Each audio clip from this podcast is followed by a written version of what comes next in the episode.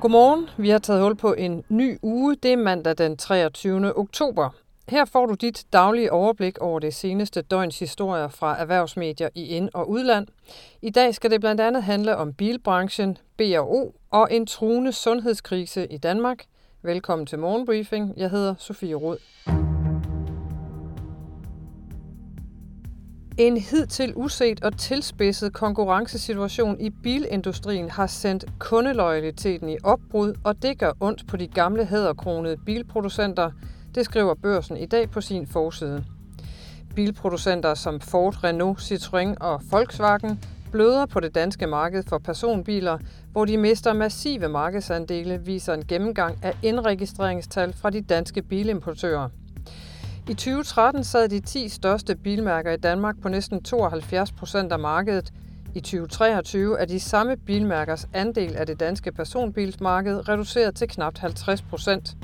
Morten Hannesbo, der har tilbragt 35 år i bilindustrien med ledende poster hos Toyota, Ford og Nissan, har aldrig oplevet noget lignende det, der udspiller sig lige nu. Han siger til børsen, det er ekstraordinært, det der sker, og det er et billede på, at der er nogen, som bliver klemt i den elektriske omstilling, siger Hannesbo. Antallet af syge ansatte herhjemme, der har brug for et behandlingsforløb, vokser stadig hurtigere, viser tal fra landets største pensionsselskab, PFA, ifølge Finans.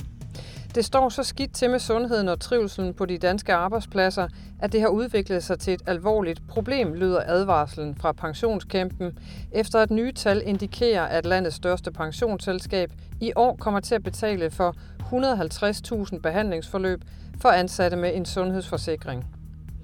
Ikke nok med, at et stigende antal danskere får sundhedsproblemer, de seneste år er væksten taget til i antallet af behandlingsforløb, som PFA har sat gang i, og det til trods for, at der fokuseres stadig mere på forebyggende indsatser for at mindske mistrivselen.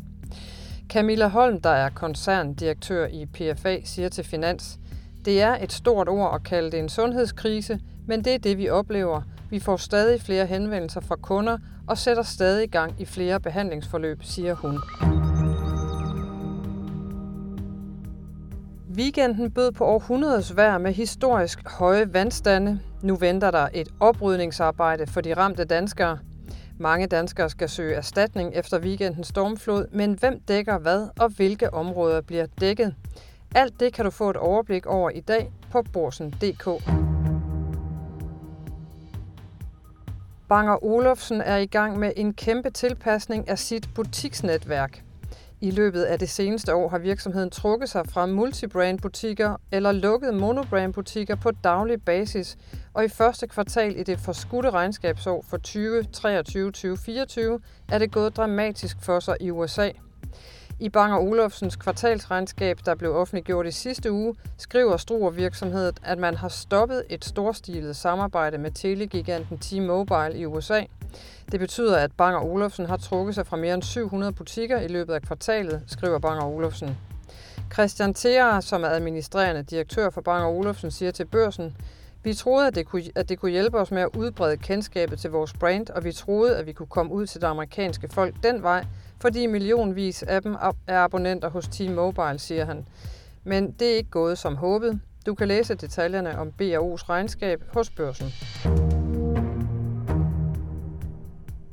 Og til udland, hvor krigen mellem Israel og Hamas og frygten for en stor krig i regionen kan betyde, at der er flere rentestigninger på vej i eurozonen, i modsætning til hvad markedet har forventet i den seneste tid, det skriver Bloomberg News.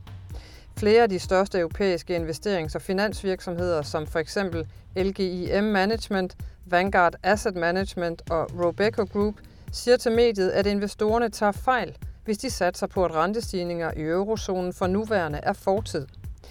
Den vurdering er baseret på, at eurozonen er netimportør af energi, og derfor mere sårbar end andre udviklede økonomiske regioner over for stigende energipriser, som kan blive til virkelighed på grund af krig og spændinger i Mellemøsten. Og mens verden fortsat venter på den fulde israelske hævn over massedrabet på blandt andet hundredvis af civile israelere den 7. oktober, så håber udfordringerne for politiske ledere i og uden for Mellemøsten sig op, skriver børsen i dag i en analyse. Fordi Israel skal hævne sine døde og gensikre nationens sikkerhed, Premierminister Benjamin Netanyahu fortæller sine tropper, citat, vi er i vores livs kamp, og det er dræb eller blive dræbt, og de skal dræbes.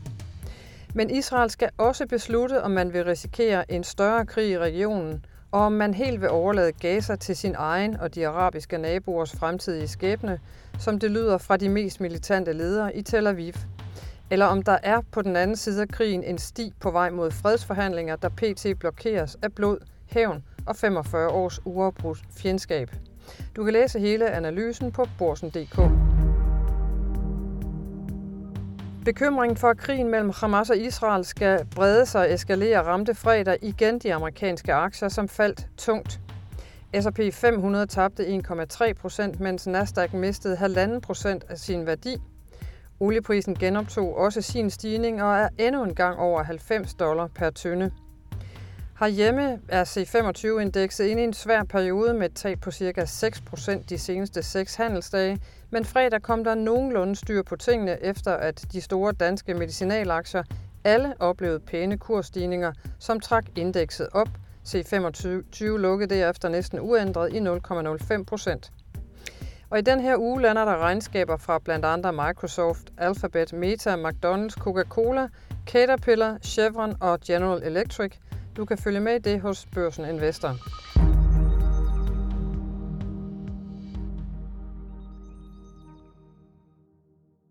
USA's præsident Joe Biden holdt torsdag en tale til nationen i USA fra det ovale værelse i det hvide hus, noget som amerikanske præsidenter sjældent gør. Formålet var at forklare amerikanerne, hvorfor USA skal til lommerne og sende yderligere en dollarmilliard pakke afsted til at støtte både Israel og Ukraine. Især støtten til Ukraine har været under hæftig kritik, navnlig fra republikansk side den seneste tid. Her kommer en bid fra talen. Hamas and Putin represent different threats, but they share this in common. They both want to completely annihilate a neighboring democracy, completely annihilate it.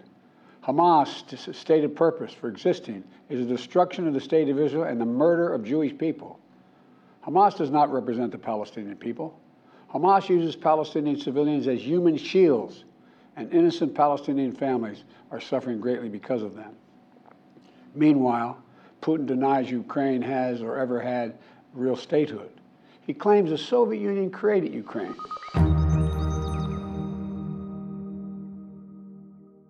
Tak fordi du lyttede med her på ugens første morgenbriefing. Vi er tilbage i morgen tidlig igen med et nyt nyhedsoverblik. Og indtil vi høres ved, så ønsker jeg dig en rigtig god mandag.